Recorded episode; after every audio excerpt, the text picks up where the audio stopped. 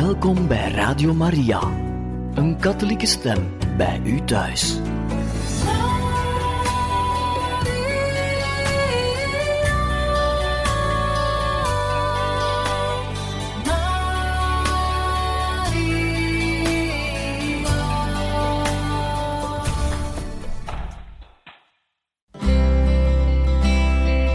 Welkom bij Boekat, een programma van Radio Maria.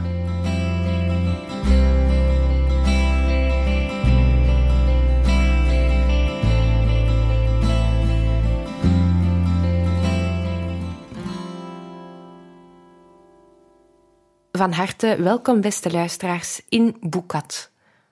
Momenteel lezen we uit een boek geschreven door Albino Luciani, de latere paus Johannes Paulus I, die in zijn tijd als patriarch van Venetië de ongewone opdracht had aangenomen om iedere maand een brief te schrijven aan een beroemde persoonlijkheid in de periodiek Messaggero di San Antonio. We lezen er nu verder uit. Aan Jezus. Ik schrijf met vrezen.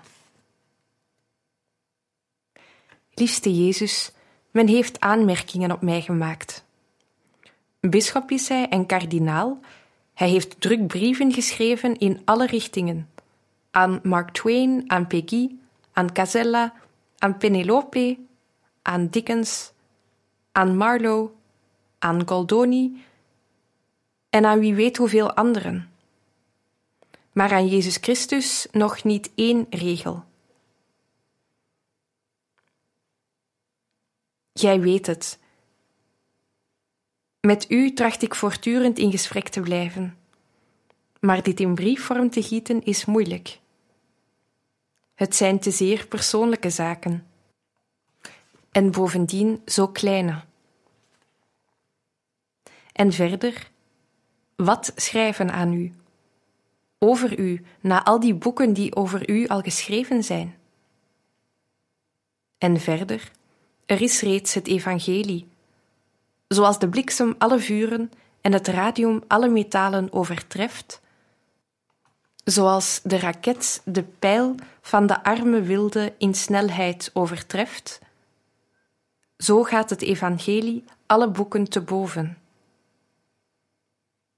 Maar hoe dan ook, zie hier de brief. Ik schrijf hem met vrezen, in een toestand zoals de arme doofstomme die zich inspant om zich verstaanbaar te maken. In de gemoedsgesteltenis van Jeremia, die, toen hij gezonden werd om te prediken, afwerend tegen u zei: Ik ben maar een kind, Heer, ik kan niet spreken. Toen Pilatus u aan het volk voorstelde, sprak hij: Zie de mens. Hij dacht u te kennen, maar zelfs niet een klein deeltje kende hij van uw hart, dat zich talloze malen en op tal van manieren teder en barmhartig heeft betoond. Uw moeder, aan het kruis hebt gij niet willen heengaan uit deze wereld zonder voor haar een tweede zoon te vinden, die haar onder zijn hoede zou nemen. En hebt gij tot Johannes gezegd: Zie daar je moeder.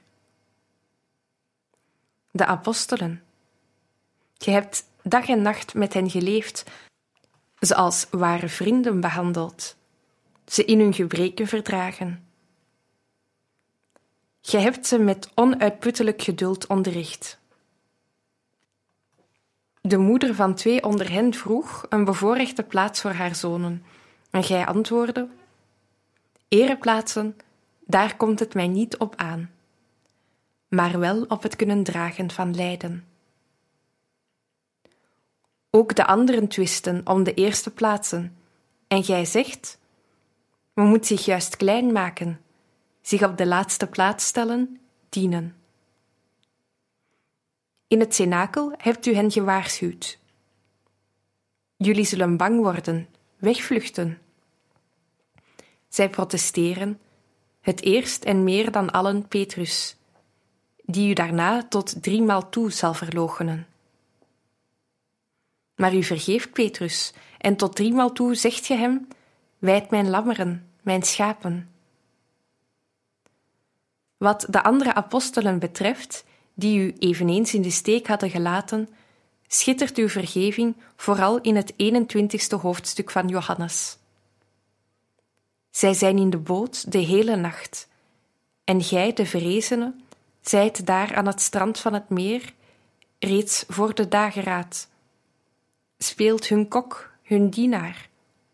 Als gij het vuur aansteekt en hun bij het brood gebraden vis bereidt. En de zondaars, de herder die op zoek gaat naar het verdwaalde schaap en blij is het terug te vinden. En feest viert als hij het terugdraagt naar de schaapstal, zijt gij. Gij zijt de goede vader die, bij de terugkeer van de verloren zoon, zich om zijn hals werpt en hem langdurig omarmt. Tafereel uit elke bladzijde van het Evangelie. Gij gaat om met zondaars, eet aan hun tafel, nodigt uzelf uit als zij u niet durven uitnodigen. Het lijkt wel, dat is althans mijn indruk, of gij u meer bekommert om het leed dat de zonde aan de zondaars berokkent, dan om de belediging die daarmee God wordt aangedaan. Telkens als gij mensen de vrede van de vergeving schenkt, is het alsof gij zegt: Jullie kunnen je niet eens indenken welke vreugde jullie mij verschaft jullie te bekeren.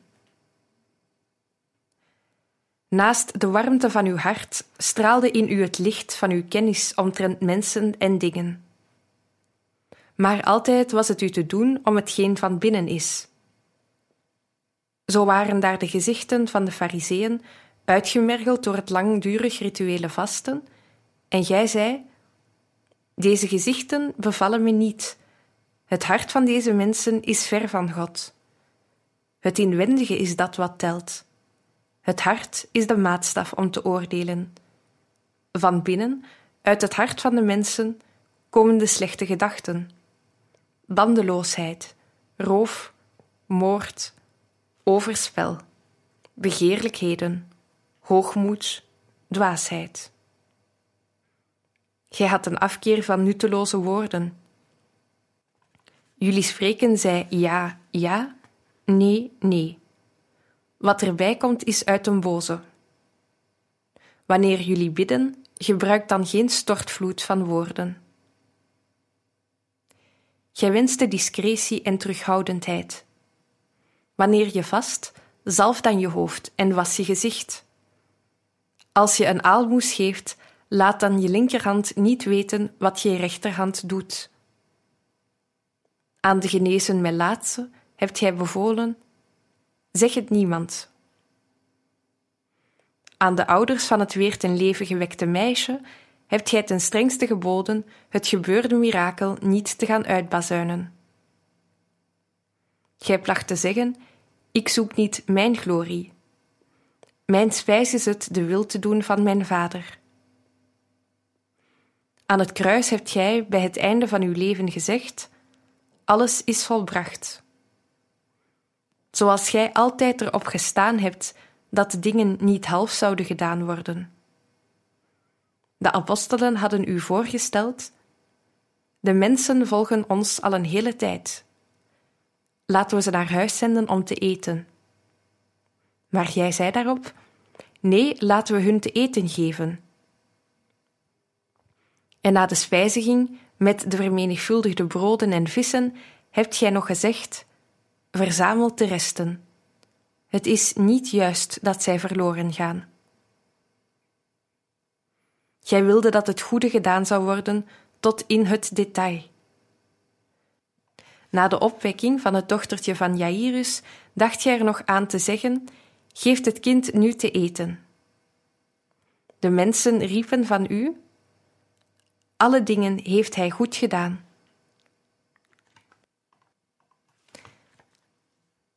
En het licht van uw kennis.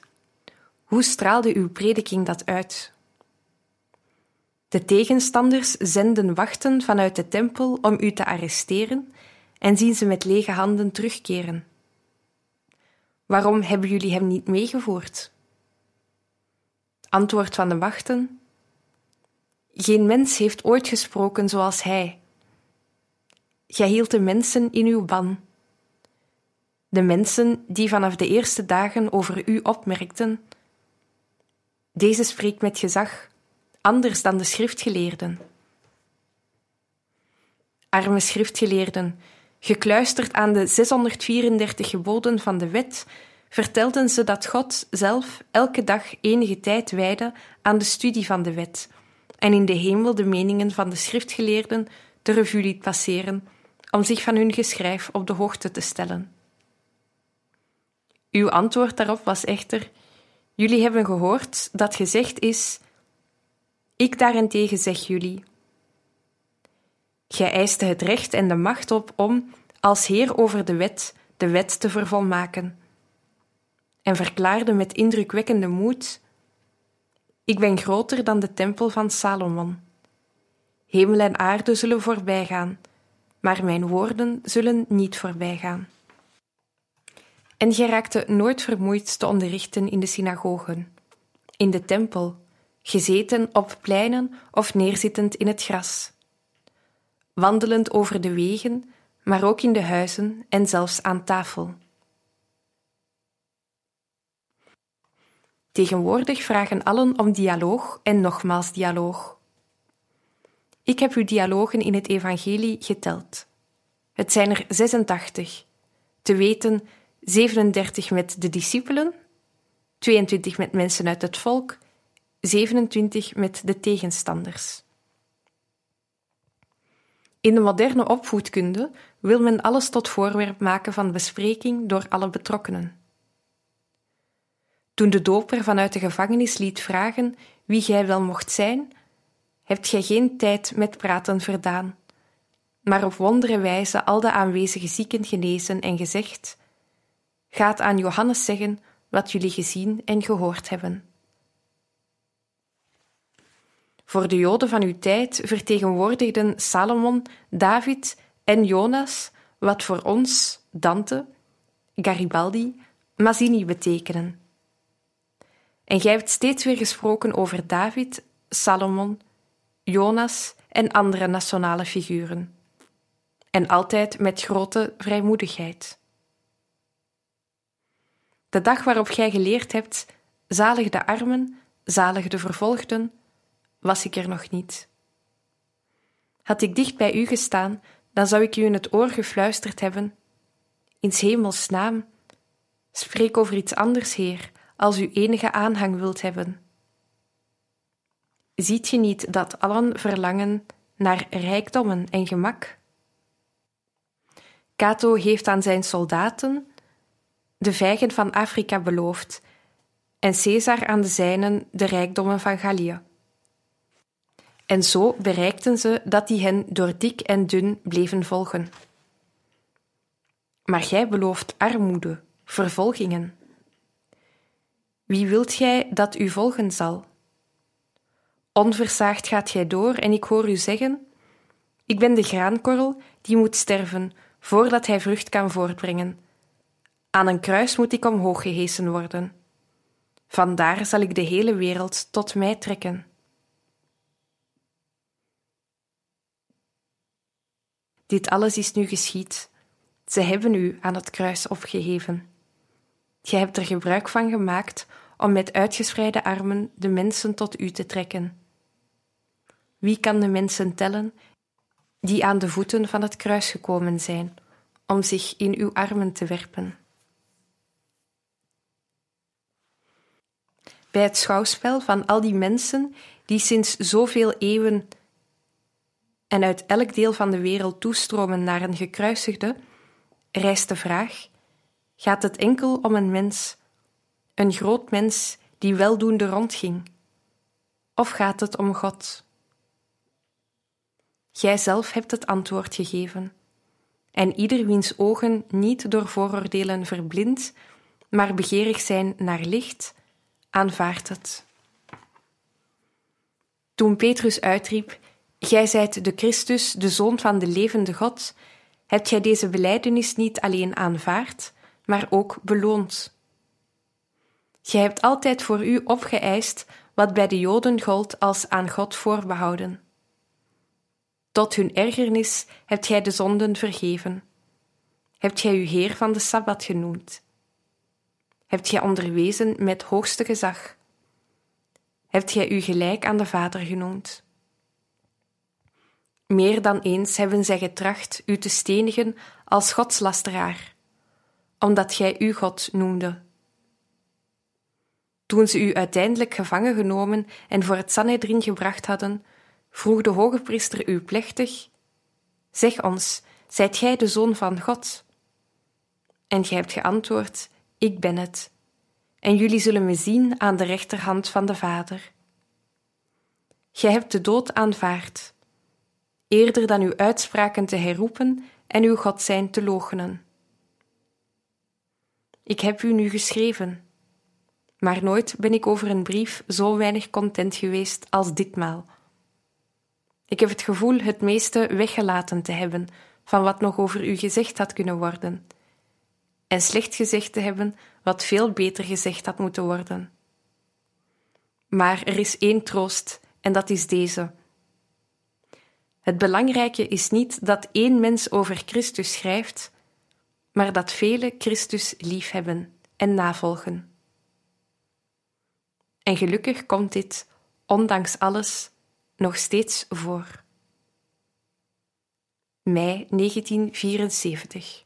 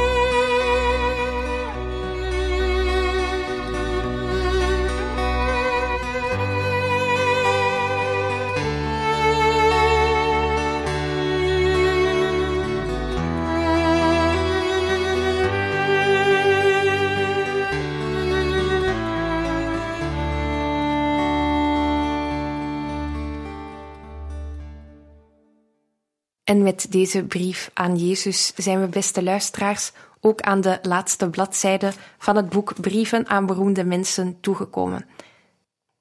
Hopelijk heeft u genoten van dit geestelijk testament van Albino Luciani, de latere paus Johannes Paulus I, de lachende paus. Radio Maria wenst u nog een zeer mooie dag toe.